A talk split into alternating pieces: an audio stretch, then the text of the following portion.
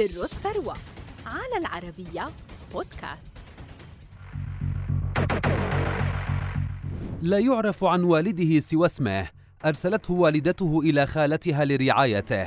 فشل في متابعة دراسته الجامعية لكنه أصبح أحد أثرياء العالم بثروة تقدر ب 87 مليار دولار. إنه ليري إليسون مؤسس شركة أوراكل. فما قصته؟ هو لورانس جوزيف إليسون ولد عام 1944 بولاية نيويورك الأمريكية. كانت والدته في التاسعة عشرة عندما أرسلته إلى شيكاغو حيث تبنته خالتها وعمها ليليان ولويس إليسون. كان قريبا جدا من ليليان لكنه لم يحظى بثقة والده بالتبني أبدا.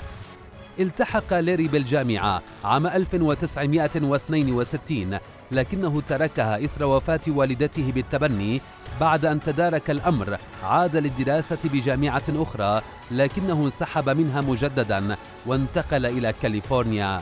رفض ليري الفشل ودرس البرمجة ذاتيا ثم عمل بهذا المجال الذي عرف بأنه علم المستقبل. تنقل ليري في أكثر من شركة وفي عام 1977 أسس واثنان من زملائه روبرت مينر وإد أوتس مختبرات تطوير البرمجيات حيث طوروا برنامجا لإدارة البيانات حصلوا من خلاله على عقد مع وكالة المخابرات الأمريكية. ومن هنا بدأت انطلاقته. المنعطف الأهم في مسيرة ليري كان إنشاء برنامج أوراكل في عام 1979 الذي أصبح لاحقا أكثر برامج قواعد البيانات انتشارا كما كان سببا في تطور العمل بالشركة التي أصبح اسمها لاحقا أوراكل وتم طرحها للاكتتاب في عام 1986 حقق إليسون نجاحا أكبر بفضل مواكبة الشركة لثورة الإنترنت وتطويرها منتجات متوافقة مع تقنيات شبكة الويب العالمية. كما نمت الشركة أيضا بفضل سياسات الاستحواذ على شركات برمجيات أخرى كان أكبرها شركة السجلات الصحية الإلكترونية سيرنر بصفقة قدرت ب 28 مليارا و300 مليون دولار.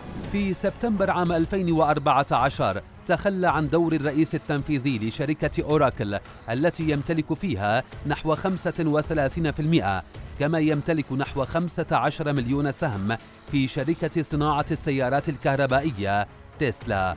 في عام 2020 انتقل إليسون بشكل دائم إلى جزيرة لاناي في هاواي التي اشتراها كلها تقريبا في عام 2012 مقابل 300 مليون دولار.